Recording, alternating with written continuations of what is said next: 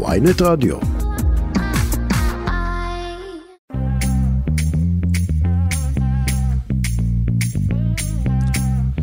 כסף חדש, הרצועה הכלכלית של ynet רדיו, שעה שלמה של כסף, כלכלה, שנוגעת לכולנו. שקד אילת, עורכת ניל שפירא ואלון מגדל על הביצוע הטכני.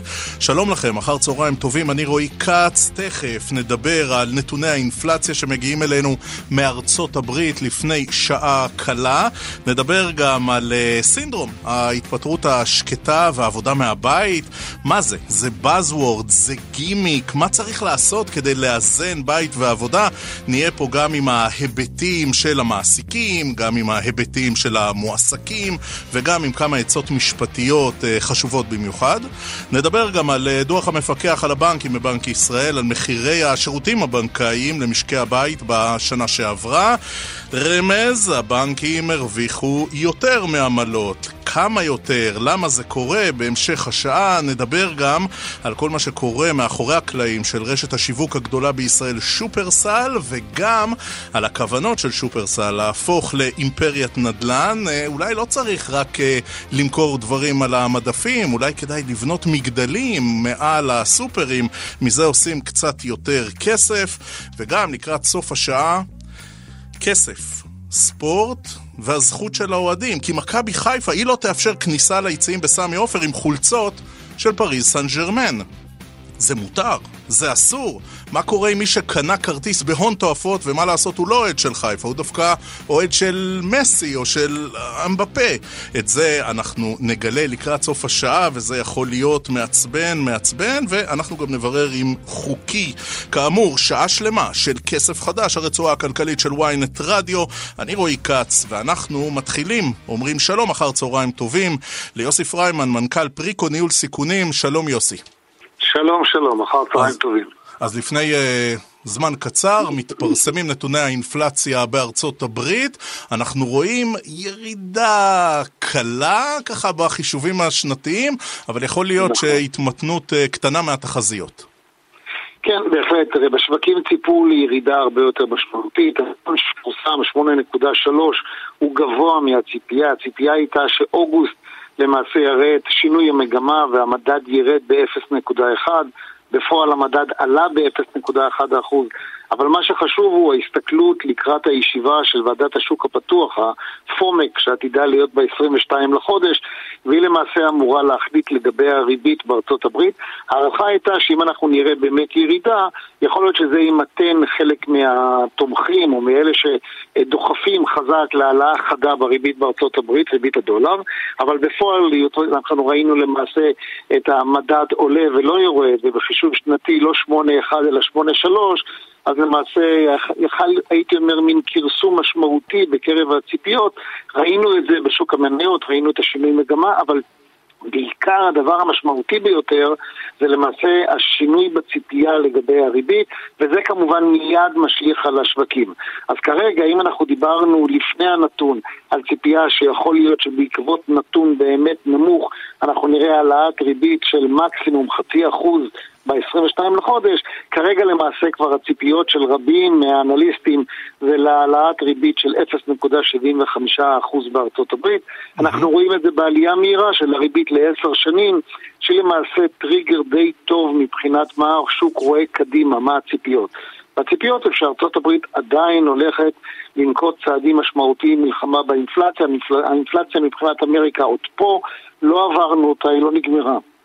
עכשיו יוסי, כשאני מחבר את הנתון מלפני שעה קלה אה, לנאום הניצי מאוד של פאוול בג'קסון הול, אה, אנחנו מבינים מה קורה פה. נכון, זה, למעשה זה אה באה, אתה יודע, זה אחד מחובר בשני.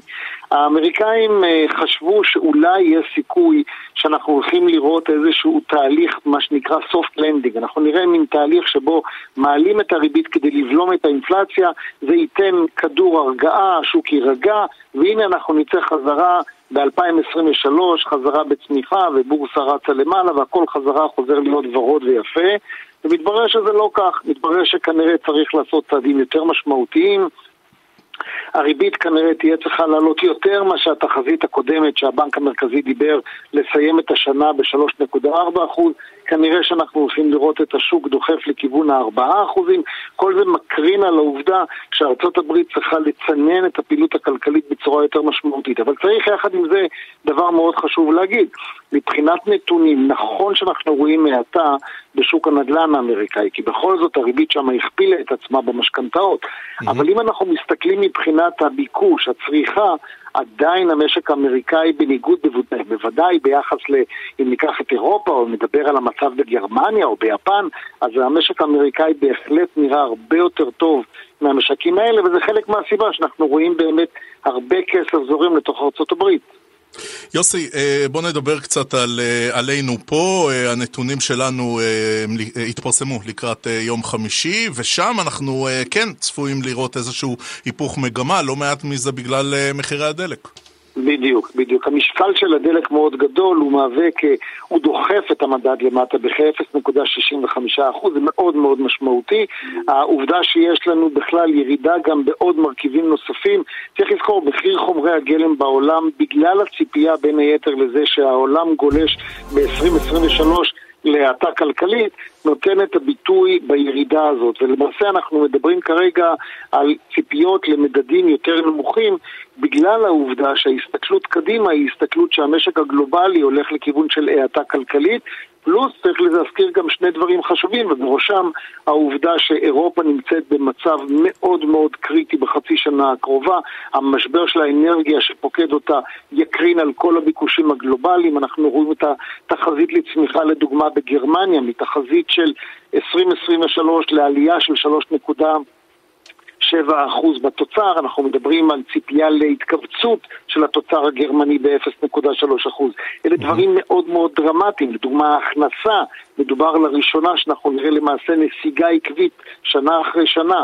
בהכנסה הריאלית בשלושה אחוזים. אלה דברים מאוד מאוד משמעותיים, ויהיה לזה הקרנה לגבי הביקושים, כי ברגע שלאנשים יש פחות כסף ביד, הם קונים פחות, הם צורכים פחות, והעובדה הזאת שאנחנו הולכים לראות איזושהי האטה בביקושים באירופה, וכמובן בזירה הגלובלית בכלל, בגלל הריביות הגבוהות, יהיה לזה גם כן, יש לזה כבר עכשיו, אבל יהיה לזה גם השלכה עוד יותר גדולה בהמשך, על רמת המחירים של חומרי הגלם, וזה באמת כן. בולם חלק מהלחצים האינפלציוניים שאנחנו מדברים עליהם.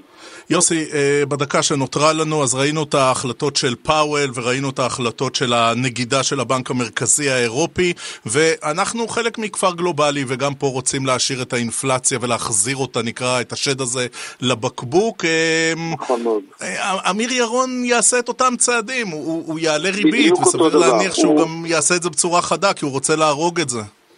בדיוק, הוא הוכיח את העובדה שהוא מגיב ומגיב חזק ומהר, הוא רוצה לבלום את האינפלציה. פריצה אל מעל החמישה אחוזים בהחלט מאוד בעייתית.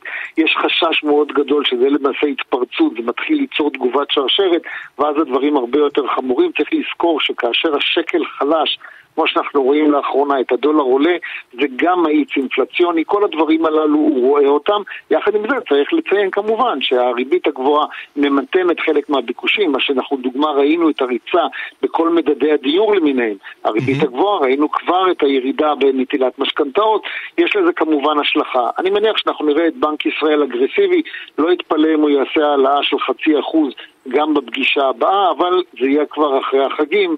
מה שנקרא, יש לנו עוד קצת זמן לראות את האפקט האמריקאי לפני שבנק ישראל יהיה צריך לבוא ולהחליט. כן, טוב, נטבול אה, תפוח ודבש ונקווה לטוב. יוסי פריימן, מנכ"ל פריקו, ניהול סיכונים. תודה יוסי, תודה על השיחה. תודה לכם, כל טוב. טוב, אנחנו מדברים בכסף חדש ברצועה הכלכלית החדשה כאן של ynet רדיו, אנחנו מדברים הרבה מאוד uh, מונחים, ואנחנו uh, לפעמים חושבים שצריך uh, גם uh, להנגיש וצריך גם להסביר, וגם אנחנו, אפילו המגישים, אומרים לפעמים, תקשיבו, אפשר עוד הסבר? אז יכול להיות שגם אתם וגם אנחנו לפעמים לא מבינים לגמרי את המונח אינפלציה. הנה, פינה חדשה, כאן בכסף חדש, מושג כלכלי אחד ביום, ואת זה אנחנו עושים בעזרתו של דן רבן. ועכשיו, משהו לא מובן? מושג אחד ביום עם דן רבן. אז מה זה בעצם אינפלציה? אינפלציה, שם גדול שמתאר תהליך שכולנו מכירים, עליית מחירים. האינפלציה, עליה מדברים לרוב במונחים שנתיים, מתארת תהליך של עליית מחירים במדינה מסוימת או בקבוצת מדינות, כמו למשל ישראל או האיחוד האירופי. האינפלציה נמדדת לרוב על ידי הרכבת סל מוצרים, ובחינת השינויים במחיר שלו בכל חודש. בארץ הנתונים נמדדים ומפורסמים על ידי הלשכה המרכזית לסטטיסטיקה, וכוללים בין היתר מחירי פירות, ירקות, בגדים ועוד. מדובר למעשה בירידה בכוח המטבע.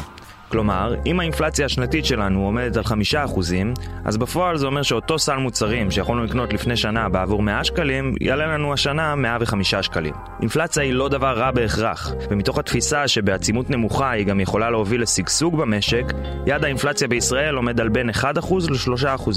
כלומר, תמיד רוצים איזושהי עליית מחירים. הבעיה מתחילה כאשר האינפלציה חוצה את היעד או יוצאת משליטה, ומתחיל מצב של היפר-אינפלציה. ואז בנק מרכזי נדרש להתערב, לרוב בצורה של העלאות ריבית כדי למתן את הביקושים.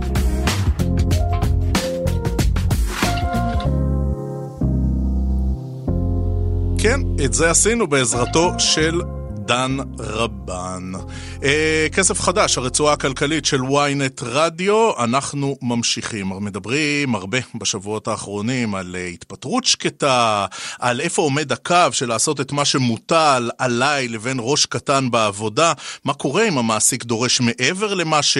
מותר לו, שהוא הגדיר בהגדרות התפקיד, או שיש פה קצת עניין טריוויאלי, תמיד חורגים מהמוסכם בחוזה העבודה. יש מי שאומר שזה גימיק, יש מי שאומר שזו תופעה מאוד משמעותית וצריך לקחת אותה ברצינות, וכמובן זה גם Buzzword של השבועות האחרונים. אנחנו רוצים להעמיק בנושא הזה ממש, אנחנו עושים את זה בעזרתה של מנהלת פורום דיני עבודה באתר זאפ משפטי. שלום לעורכת הדין אורנה שמריהו. שלום רב. את יכולה להגדיר לנו, עורכת הדין שמריהו, על ההתחלה, מה זה בעצם התפטרות שקטה? נתתי את זה קצת בפתיח, אבל אם יש לזה הגדרה משפטית יותר, מובהקת יותר? זה התפטרות שקטה, זה לא רק שעובד אומר, אני ראש קטן, אני בא לעבוד משמונה עד חמש, משמונה עד שש, יותר מכך לא מעניין אותי שום וכלום. Uh, ההתפטרות שקטה היא מזה שנים, ולא רק בזמן האחרון. כשעובד, למשל, מיצה את עצמו, את המקום העבודה שלו, ולא בא לו להמשיך לעבוד. אבל מה, הוא רוצה את התשלום פיצויי פיטורים, הוא רוצה לקבל את הפיצויי פיטורים, שזה מרכז הזכויות אה, בדיני העבודה. Mm-hmm. אז מה הוא עושה? אז הוא עושה מין שביתה איטלקית. אה, מחלה, איחורים, אה, אי אה, עשיית העבודה, אה, חוסר משמעת בעבודה, למעסיק נמאס מזה, אז הוא מזמין אותו לשימוע ומפטר אותו. והעובד זכה בתשלום פיצויי הפיטורים. אה, לא כדין אני אומרת, כי זה חוסר אמינות וחוסר נאמנות למקום העבודה. כן. עכשיו, עורכת הדין שמריהו, אנחנו נמצאים בעידן של uh, סוגיות עבודה שמאוד שונה מהעידן, נגיד, של ההורים שלנו, ודאי דור אחד אחורה. בעיקר בגלל האמצעים הטכנולוגיים. יש לנו טלפונים ניידים ויש לנו אימייל, זה לא היה אצל אבא ואימא שלנו. הם היו עוזבים את מקום העבודה, לא משנה מתי, אה, גם אם זה בחמש אחרי הצהריים או בשבע בערב, ואף אחד לא היה מטריד אותם. אנחנו, לעומת זאת, יש לנו את הקולר האלקטרוני הזה שנקרא טלפון נייד וטלפון... טלפון חכם, ובעצם אנחנו תמיד זמינים, אז תמיד מציקים לנו. אה, אני אומרת שצריך לעשות הפרדה, גם מעסיק. עובד סיים את העבודה שלו, זה הכל, הוא לא, הוא לא חייב להיות בתוך העבודה גם בשעות הפנאי. אבל לפעמים יש, אתה יודע, מקרים יוצאי דופן. אז אם אני עכשיו אתקשר לעובדת שלי ולעובד שלי ואשאל אותם איזושהי שאלה, אני לא חושבת שזה צריך להוות איזשהו מטרד. אבל אם המטרד הזה, כביכול, בסוגריים, ממשיך מדי יום ביומו, אז עם כל הכבוד למעסיק, אני לא חייבת לענות לך.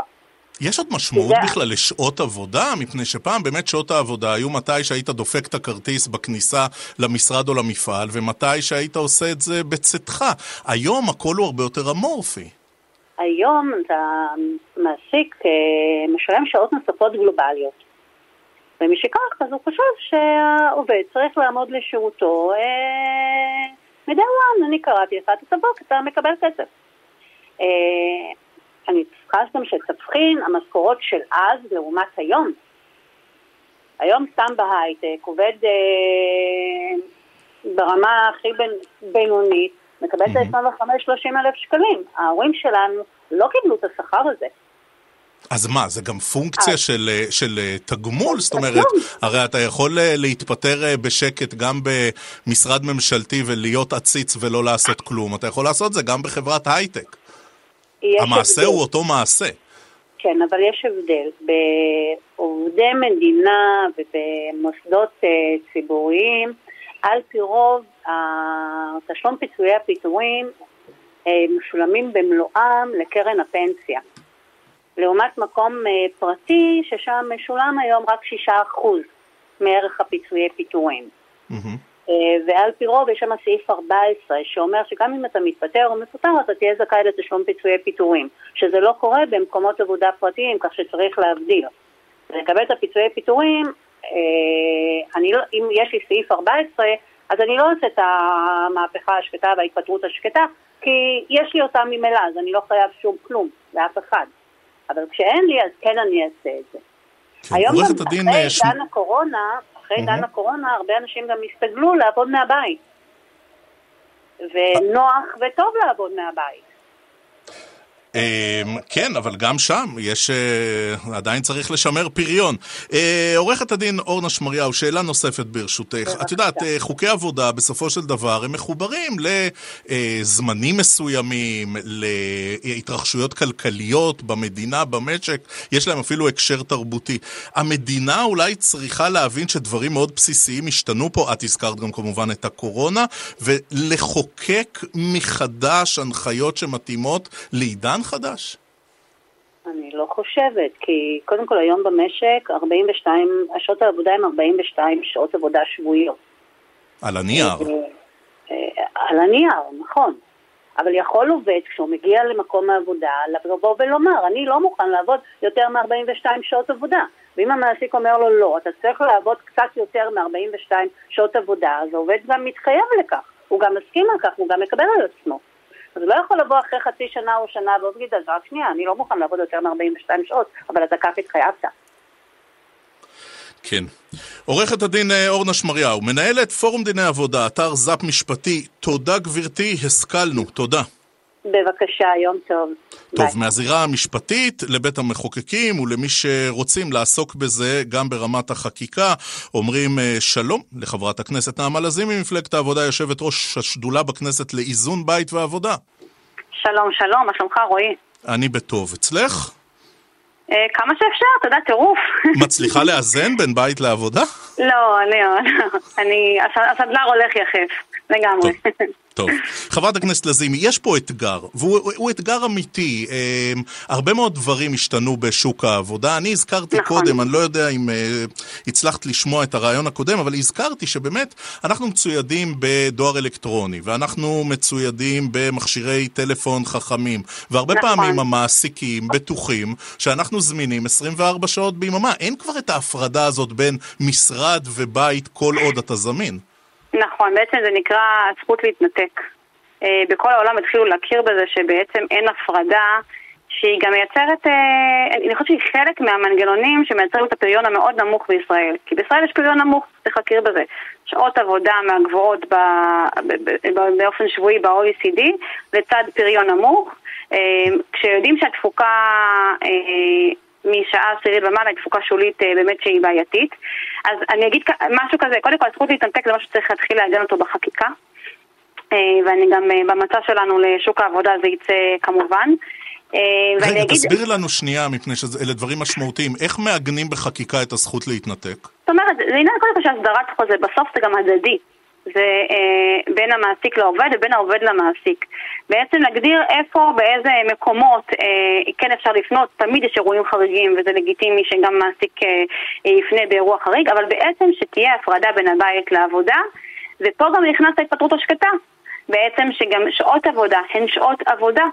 ואז יש בעצם הדדיות בתוך אה, מערכת היחסים הזו. בעצם כשעובד יודע שאין גבול לשעות שלו ושבסוף הוא חוזר בשמונה בערב עדיין אס.אם.אסים ועבודה ווואטסאפים וקבוצות והכל ואין באמת את ההפרדה, אז גם שעות העבודה הרגילות נראות ככה. אה, אני אגיד כמה נתונים רגע, שאנחנו במינוס אה, יותר מעשרה ימי חופשה ממוצע ה-OECD, אה, ממוצע ה-OECD זה 23 ימי חופשה בשנה. אנשים פה באמת עובדים יותר מדי, אפרופו גם השיח על התאמת ימי חופשה של הורים ותלמידים. אנחנו בשעות עבודה מאוד מאוד אה, אה, גבוהות, כשכבר בעולם מתחילים מגמות של קיצור שבוע עבודה. עכשיו, קיצור שבוע עבודה הוא בין אה, שבוע עבודה של ארבעה ימים, או בין קיצור שעות העבודה על, על הרצף השבועי. אה, ובתוך זה גם הסוגיות של ניתוק כשמגיעים הביתה. אגב, גם בסופש, הרבה עובדים מלינים על זה שאפילו אין להם סופש, כי הוואטסאפ וכל הזמינות, אתה הזכרת את זה, מייצרת היעדר קאט בסוף היום, אפילו שגולש לסוף השבוע. אבל חברת הכנסת לזימי, גם את הזכרת בתשובה שלך את הפריון הנמוך. המשמעות היא שהישראלים הולכים uh, לעבודה, אבל הם לא באים לעבוד. הרי בסופו של דבר שוב, אנחנו זה, רוצים זה פריון גבוה. שיצרו, זה, נכון, בדיוק. עכשיו, אני הזמנתי uh, מחקר בממ"מ, זה גוף המחקר של הכנסת, על קיצור שבוע עבודה. ובאמת ידעתי את תוצאות המחקר, אני צוחקת שהזמנתי מחקר שתוצאותיו ידועות מראש. אה, בכל מקום שבו אה, קוצר שבוע העבודה, או חברות שעושות את זה, אה, הוכח שאין, התפוקות לא יורדות אם עולות, אבל לא יורדות, אפילו עולות, והפריון עולה. שזה מאוד חשוב, פריון פחות נמוך. ויש לנו אינטרס לעובדים מאושרים. אבל שוב אני אומרת, בסוף חוזה העבודה הוא הדדי. הוא בין המעסיק לעובד ובין העובד למעסיק. והצורך לייצר אה, מקום עבודה שהוא מפרה ושבהם שעות העבודה הן מוגדרות, ברורות ויודעים שצריך לעבוד בהן, זה גם נורמות עבודה טובות יותר ותקינות יותר, זה אינטרס של מעסיק. לא מפתיע שהשוק המרצי ש... בוחר לעשות את זה, כן. אבל בישראל הרי חסרים עובדים, ונגיד במיוחד בהייטק חסרים עובדים וכל המגייס... ולכן בהייטק מתחילים מגמות של קיצור שבוע עבודה, זה מעניין. המג... וכל כן. המגייסים והמגייסות מספרים שבעצם מראיינים אותם ולא להפך, אז מי שלא נכון. רוצה שיטחנו לו את הלילות ואת סופי השבוע, יכול להגיד, אני עובד בחברה שלא עושה את זה. למה המחוקק צריך להידרש לזה? כי קודם כל, אני אגיד, דווקא התהליך הזה מתחיל מהשוק הפרטי היום. עשיתי כנס בכנסת שבהם הבאתי אה, חברות הייטק שהתחילו קיצור שבוע עבודה, אה, ואפילו אפריקה ישראל, או חברת מוסייג', והבאתי פיילוט שמתחיל אה, בהובלת אה, מלי אלקובי, אה, שותפה לנושא הזה מהחברה האזרחית, שהתחיל באמת לגייס חברות לתוך הדבר הזה. עכשיו אני אומרת, כשהשוק הפרטי, שהוא רווחי ושואף לרווחיות, מתחיל מגמה כלשהי, זה כי הוא מבין שאינטרס של עובדים אה, מאושרים ו... אה, אה, שהעלאת תפוקות ופריון זה אינטרס שלו בחברה. ובאמת הגיע הזמן שנסתכל על זה במובן חברתי גם כמדינה, ודווקא בגלל שזה מתחיל מלמטה, אנחנו המחוקקים צריכים להסתכל על זה כעל אינטרס. אבל אני אגיד לך יותר מזה, זה גם עניין כלכלי, הגדלת כוח הקנייה, אה, יצירת נורמות אחרות לחיי בית משפחה ועוד. בסוף המדינה יש לה גם אינטרס פה לייצר את זה למרות שיש איזה עלויות וזה משהו שאי אפשר לעשות אותו בבת אחת. בניגוד לדברים אחרים בחקיקה, זה משהו שצריך לפרוס אותו על פני אה, כמה שנים ולהתאים אותו, אבל צריכה להתקבל החלטה. בבריטניה עכשיו התחיל מיזם ענקי, פורטוגל הולכים להיות הבאים בתור. אה, אגב, אני אגיד עוד סוגיה שצריך להסדיר אותה בשוק העבודה המתחדש, מה שנקרא, זה הסדרת חוזה עבודה מרחוק. גם פה הסיפור של אה, חוסר יכולת להתנתק, אה, לא פעם בגלל שעובד עובד מהבית, הוא כאילו אמור להיות זמין גם ב-10 בלילה. אה, אז צריך לראות איך מסדירים את זה, ומצד שני העובד צריך להיות מספיק אמין לעבוד בשעות שהוא כן. מגדיר מהבית. זה הסדרת חוזה ידדית. איזה כיף כן. לאחינו שומרי השבת. הם סוגרים טלפון ביום שישי אחרי צהריים, פותחים אותו חצי שעה, שעה אחרי הבדלה במוצ"ש, לא עונים לאף אחד, וזה הכל בשם שמיים. אבל זה נפלא. זה בעצם מייצרים לעצמם אני מקנא, חברת הכנסת לזימי, אני כן, מקנא. אתה יודע אני שוקל חזרה בתשובה רק בגלל זה. אני אומרת, אני, כשנכנסתי לכנסת יש לי שני ילדים קטנים, ואני אמרתי שהשבת חייבת להיות שבת עם המשפחה. אבל נכון שיש חריג, בין, כמובן אני הרי לא דתייה, אז במובן של אה, בחירות או כל דבר כזה, אבל זה עבד מדהים, כי כל השבוע עשיתי מה שצריך גם אם זה בלילות והכל, אבל השבת הייתה משפחתית וזה משהו שהוא נכון גם לנפש. בסוף אנחנו רוצים לצמצם גורמי שחיקה לעובדים. זה כן. באמת אינטרס שאני חושבת ששני הצדדים, גם שלי וגם שלך, יכולים להסכים עליו. חבר, חברת הכנסת נעמה לזימי, שני נושאים אה, נוספים ברשותך. כשאת אה, רואה אתמול את הסרטון של נתניהו על אה, חינוך חינם 0 עד 3, איך הוא מרגיע שם את האימא עם התינוקת בעגלה, יש היום, בנקודת הזמן הנוכחית, כן? יש הבדל בתפיסה הכלכלית בינך, מפלגת העבודה, נגיד בין ש"ס ובין הליכוד של נתניהו? ברור. קודם כל אני מזכירה שצד הסרטון הזה, שהוא סרטון שבא, אה, הוא, הוא נתניהו אה, חכם, הוא מבין את הסנטימנט, אה, לאן הוא פונה, אבל היה סרטון מקביל שבו הוא ממש אה, פרס את התפיסה הכלכלית שלו, שהיא כמובן שונה לחלוטין משלנו, זה היה לפני כמה ימים, עשר דקות שלמות, צפיתי בכולן. אז נתניהו אותו נתניהו, הוא, כשהוא מוכר משהו הוא גם מוכר אותו, אבל בסוף המפלגה היחידה שבאמת אה, מדברת על חינוך חינם מגיל לידה כתפיסה זה מפלגת העבודה.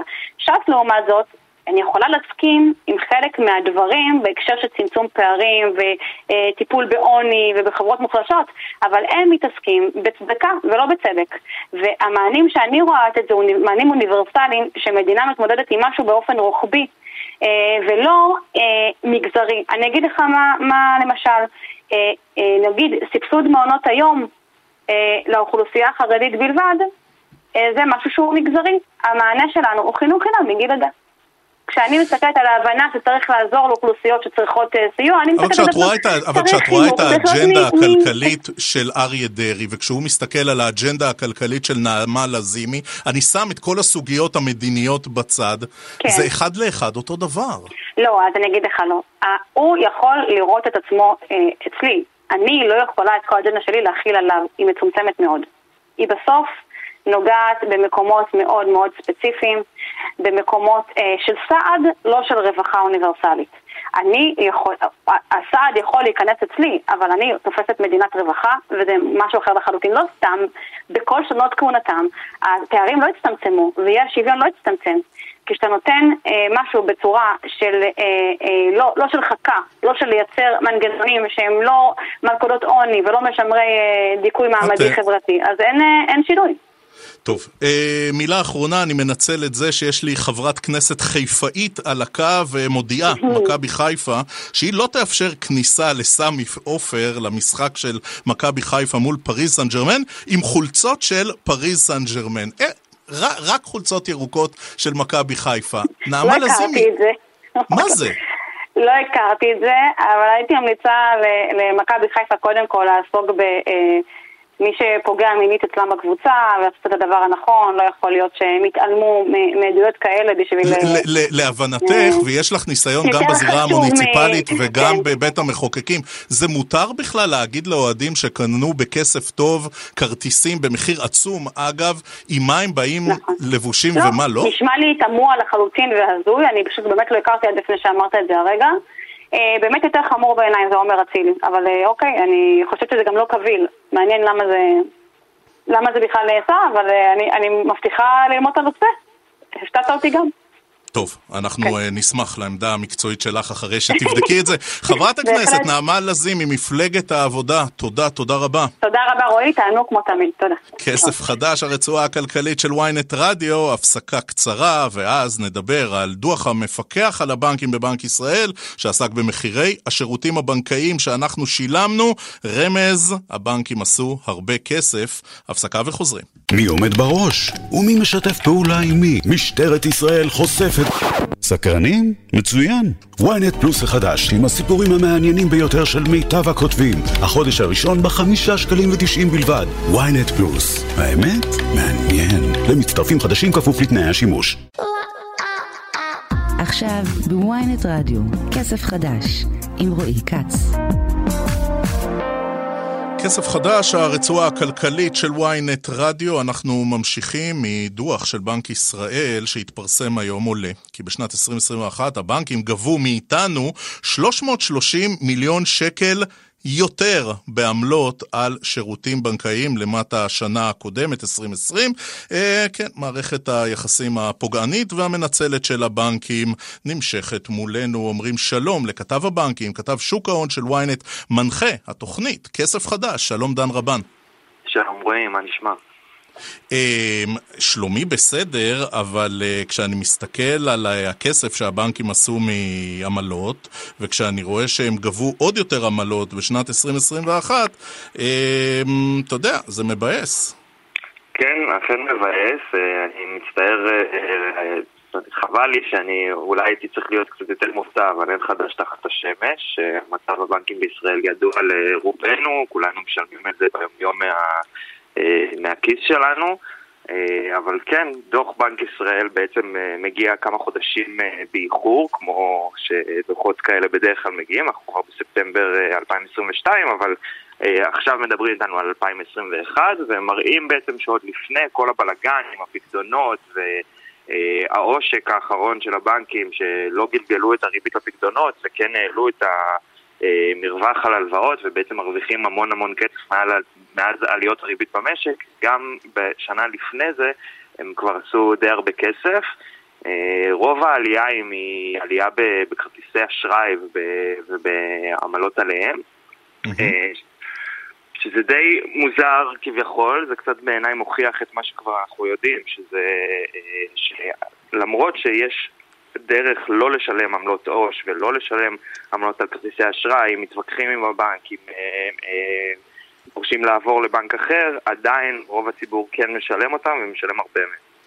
אז זהו, דן, אה, זאת קצת הייתה השאלה הבאה. אה, אוקיי, הבנקים עושים את מה שהבנקים צריכים לעשות, הם מנסים להוציא מאיתנו כמה שיותר. השאלה היא, אם הלקוח הישראלי הממוצע, נכנה אותו ישראל ישראלי, צריך להגיד בקול רם וברור, הוא סאקר, מפני שאפשר להוציא ממנו את הכסף הזה, מוציאים כל שנה יותר, והוא לא עושה הרבה, לא כדי לעבור מבנק לבנק, ואפילו לא כדי לשפר את המצב שלו בתוך הבנק שלו.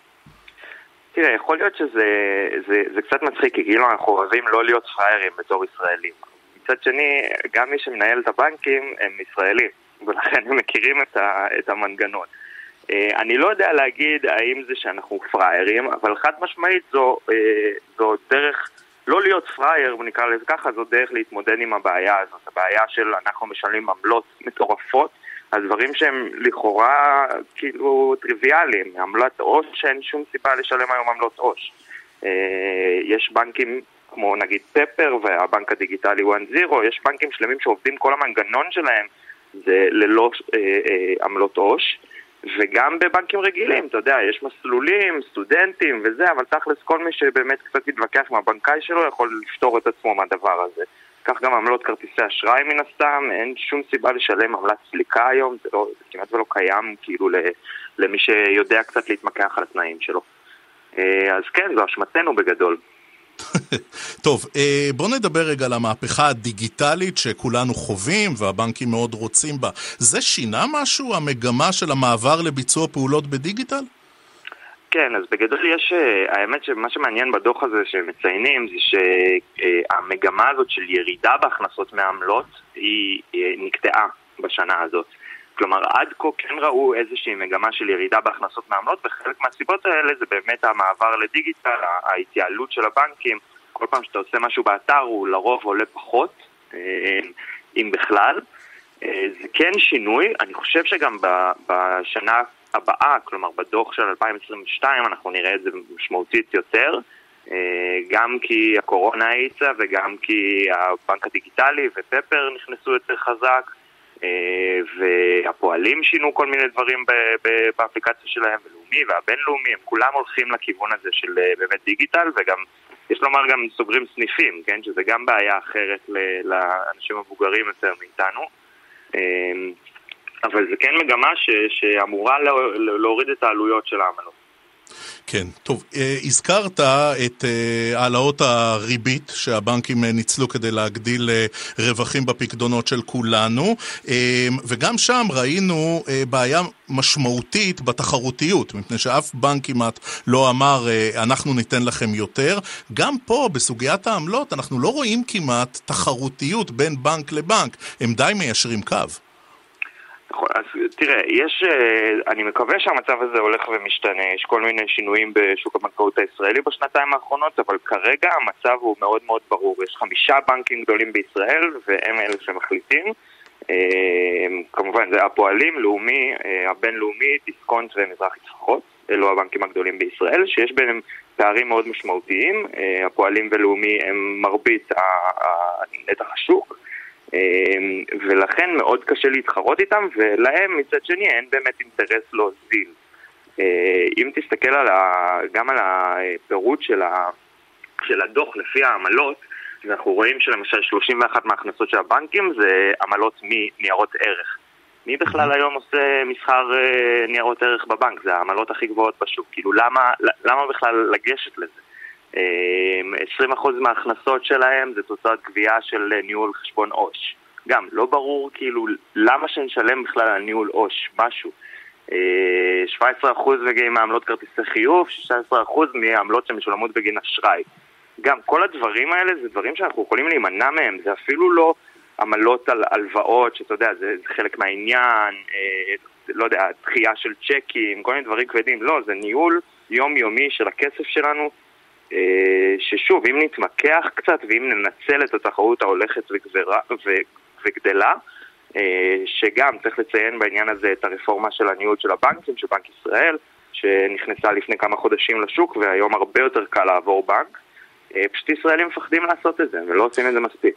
טוב, אז uh, לא משנה היכן אתם מאזינים לנו, אם זה בפקק מאחורי ההגה, או בשעה שאתם רצים, או בשעה שאתם מבשלים. אני מקווה ששמעתם את השורה התחתונה המשמעותית של uh, דן רבן. תתמקחו, לא להיות פראיירים, יש מה לעשות. דן רבן, כתב בנק עם שוק הון של ynet, מנחה התוכנית שלנו, כסף חדש. תודה, תודה רבה. אנחנו uh, לא צריכים סיבה uh, טובה מדי כדי לדבר עם כתבת התעשייה של ynet וידיעות אחרונות, תמיד כיף גדול, ש... שלום שלום, נביד זומר. ערב טוב. Uh, רוצים לדבר על uh, ענקית השיווק הישראלית שופרסל, ויש פה כמה נושאים. ברשותך, אה, נתחיל עם הנדל"ן, טוב? כי כן. גם שופרסל רוצה להרוויח מחגיגת הנדל"ן בישראל, והיא מה, מתחילה את זה בעיירת הקיט הצפונית נהריה? קודם כל היא לא מתחילה שם, אבל לפני זה צריך להסביר. שופרסל שנים חבוי במאזנים שלה אה, יהלום לא מלוטש, וזה נכסי הנדל"ן שלה. זו חברה שפועלת מ-58, שפעם האמינו בבלוקים, וכל סניף גם קנו, רכשו אותו, בנו אותו. וסופרסל צברה הרבה מאוד נדל"ן, היום הוא מוערך בספרים שלה בשווי של 2.7 מיליארד שקל. Oh, wow. עכשיו, עד היום רוב הנדל"ן שימש לסניפים שלה, מחסנים, דברים כאלה. עכשיו, זה שטחים שיש עליהם זכויות, שהיום כבר ניתן לקבל זכויות בנייה, להרים מגדלים, שימושים מעורבים, ובעבר גם באו בטענות לאבר כהן למה הוא לא מנפיק את כל הנדל"ן, כאילו הוא אוסף אותו בחבילה אחת, מנפיק אותו, משתמש, והיה לו תירוץ שהיה בזה היגיון. הוא אמר, כל זמן שאני שולט על, ה, על הנדל"ן, אף אחד לא יבוא יזם ויגיד לי, סניף שחשוב לי אסטרטגי, תצלק אותו כי אני עכשיו רוצה להקים מגדל, זה הרבה יותר רווחי.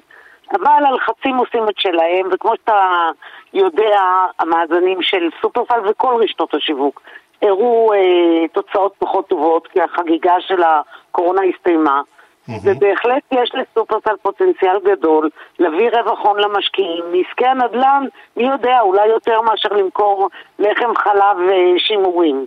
אה, כן, מה גם שאפשר לשים אה, סניף למטה ומגדל מגורים למעלה, זה לא נכון, מונע. נכון, זה לא מונע, למרות שבתקופת הבנייה אתה לא ממש יכול להפעיל סופר. יש דוגמה נורא טובה, מוטי בן משה, איש העסקים מוטי בן משה, שקנה את הריבוע הנדל"ן, שהיה פעם הבעלים של מגה, נשאר עם כל, ה... עם כל נכסי אה, הסניפים של מגה, בעצם הנדל"ן בבעלותו, למרות שמפעיל את זה היום ינות ביטן. וברגע שהשתחרר אה, חוזה שכירות עם ינות ביטן ברחוב ויצמן בתל אביב, היה שם סניף אה, גדול שעמד בפני, בפני עצמו. עכשיו זה פריים לוקיישן בתל אביב, סליחה, ביהודה המכבי. זה פריים לוקיישן בתל אביב. הוא לקח אליו בחזרה, יהרסו את הסניף, יקימו שם אה, לא מגדל, אבל שמונה קומות של דירות יוקרה במחיר בטח של 80 אלף שקל למטר, ולמטה באמת יש סופר. אבל בינתיים, אתה יודע, בינתיים זה סגור. אתה לא יכול גם לבנות וגם לתפעל סופר. נבית, יכול כן... להיות שהאוצר הנדל"ני הזה של שופרסל, זה גם מה שעניין כל כך את מי שניסה להשתלט על הרשת, ב... מה זה היה, לפני שנה בערך? כן, בערך לפני שנה. ממש בהחלט כן. מה שעניין אותם זה יותר הפוטנציאל בנדל"ן נראה לי, מאשר ה... גם חלק לא הסתירו את זה. היו"ר של אה, אבי לוי, היו"ר של דלק שהגישה, דלק ישראל שהגישה גם הצעה, אמר במפורש שהוא רוצה לפתח את הנדל"ן. עכשיו, חברת אה, אמות שהגישה הצעה, כל ההצעות נדחו, כן, נגיד את זה, אבל הגישה הצעה, חברת אמות זה חברת נדל"ן שמפעילה קניונים ומשרדים. כן, בהחלט, כולם שמו עין על ה... על השר החבוי, כמו שאנחנו אומרים, או הלא ממומש. כן. ובהחלט אני חושבת שאנחנו נראה יותר ויותר פרויקטים של סופרסל, שתעשה אותם כמובן בשיתוף עם גופים נדל"ניסטים, אבל כן, זה רק ייקח, אה, אתה יודע, כמה שנים עד שהרווחים נכנסים. טוב, הבטחתי את זה בפתיח, אז ניתן על זה מילה. אה, המהלך עכשיו הוא מה, בנהריה מאות יחידות דיור, נכון? המלאך הוא בנהריה, יש להם לא רחוק מהמרכז, מה שנקרא בעיר, שבעה וחצי דונם, זה לא מעט. או, וואו. ו- שעליהם פועל סניף מאוד ותיק, בגו- בגודל של 3,500 מטר. זה עוד אה, כרוך ב- באישור תב"ע להגדלת זכויות, אבל כן, אם הכל יתממש לפי התוכנית, אה, יקומו שם מגדלים של משרדים ומגורים, ו- ולמטה כמובן יהיה סניף של סופרסל. כל המתחם המסחרי בקומת הקרקע יש של סופרסל. כן. טוב, נשארים אה, ברשותך ב- בשופרסל. אה, יש השפעה לכל מה שקורה עם אה, הבונוס שרצו לתת למנכ"ל והבלגנים בהנהלה, אנחנו רואים את זה בחודשים האחרונים, עלינו כצרכנים, עליי כישראלי רגיל ועל המאזינים. זה ישפיע? העובדה שביטלו או לא ביטלו בונוס, כן. זאת אומרת, זה משנה בכלל? לצרכן זה לא משנה שום דבר. יש פה, יש פה קודם כל את עניין למראית העין. האם זה, הרי שניים וחצי מיליון שקל, גם אם הם ניתנים כרגע במזומן על השולחן, כמו שאנחנו אומרים, במאזן של 15 מיליארד שקל מכירות, זה לא באמת משנה או מקצץ בהוצאות ומה שלא יהיה. אבל יש עניין של למראית העין, אה, אה, זה לפחות מה שטענו, שזה לא הדבר הכי בוער, היה, היה קצת טעם לפגם, שאחד הדברים הראשונים, כשהוא חזר לתפקיד, אה, לרשת ולתפקיד היו"ר, זה לטפל בנושא הזה. והדבר השני, שסופרסל הולכת לקראת אה, אה, צמצומים ותוכנית הבראה, וכאילו לא יאה. אז זה, זאת הייתה, אני חושבת, הסיבה יותר אתית מאשר אה, שזה באמת ישפיע על מישהו, כן? את אומרת, את אומרת זה יותר רוח הזמן ומראית העין, אה, אין. לזה משמעויות כלכליות מובהקות מיידיות. לא, ממש לא, ממש לא. מה עוד שגם נתנו לו פיצוי, אפשר להגיד שהוא קיבל גם פיצוי חלקי על זה. כי היה לו שלושה חודשים אה, התראה, נגיד, אה, הודעה מראש, מה שאנחנו קוראים, אז זה התארך לשישה חודשים, ופלוס שישה חודשים של אה, מענק הסתגלות. ובאמת כדאי להגיד לציבור הרגיל שלא נהנה מממתקים כאלה. אה, בדרך כלל אה, בתפקידים בכירים, אז הם נהנים גם מהודעה מראש, שאם לאדם הרגיל זה בערך חודש, אז אצלם זה שישה חודשים, כמו שאנחנו רואים פה, וגם מענק הסתגלות, שזה אומר שאחרי שסיימת את עבודתך וקיבלת פיצויים וכל מה שמגיע לך, עוד שישה חודשים תקבל שכר מלא. במקרה של אה, איציק אבר כהן, השכר אה, הוא נקבע לפי 197 אלף שקל לחודש. לא רע, לא רע. להתרגל למצבך. דרך אגב, זה לא יוצא דופן, הוא לא יוצא דופן בקרב אה, צמרת ה- המנכ"לים. אני ב- לא אמרתי שהוא חריג, רק כן. את יודעת, קצת קנאה בריאה. קנאה כן, גם אני. אה, אז זהו, עוד חצי שנה הוא, הוא יהיה לו משכורת כדי להתרגל למצבו החדש. כן. אז, אז בסך הכל אתה מבין שמבחינה כספית זה, זה אפילו פחות משתיים וחצי מיליון שקל שנחסכו כביכול מהסופרסל. אה, עכשיו צריך רק לקוות שמעבר לתנאי השכר והכל, באמת המושכות יחזרו לידיים ויעלו את סופרסל או ייצבו את סופרסל ותמשיך אה, לפעול ולהביא לנו את הצעת הרכש הטובה ביותר. כן. נבית זומר, כתבת תעשייה, ynet, ידיעות אחרונות, תמיד כיף גדול לשוחח ותודה רבה. תודה לכם, ביי. טוב, רק נגיד שהבטחנו לכם בתחילת כסף חדש שנשוחח על העובדה שמכבי חיפה לא מאפשרת כניסה ליציעים בסמי עופר במשחק מול פריז סן ג'רמן, היא לא תאפשר למי שיבוא עם חולצה של פריז סן ג'רמן. זאת אומרת, אם קניתם אה, כרטיס בהרבה כסף, או בטעות אתם חלמתם לבוא עם חולצה של מסי או של אמבפה, אה, לא ירשו לכם, גם דיברנו על זה קודם עם חברת הכנסת נעמה לזימי. מי שהיו אמורים לדבר איתנו היו אנשי אה, הרשות להגנת הצרכן, הם קצת נעלמו לנו תוך כדי השידור. השידור, אז אנחנו מקווים שזה רק מפני שהם מתרגשים מהמשחק במכבי חיפה ולא מפני שהם חוששים ממשהו אחר. טוב, אנחנו מסכמים את כסף חדש, הרצועה הכלכלית של ynet רדיו. נגיד תודה לשקד איילת שערכה, נגיד תודה לניל שפירא ולאלון מגדל שהיו על הביצוע הטכני. מיד אחריי רועי כץ כאן בוויינט רדיו, דודו ארז, יואב רבינוביץ'. מחר יהיה איתכם דן רבן בכסף חדש.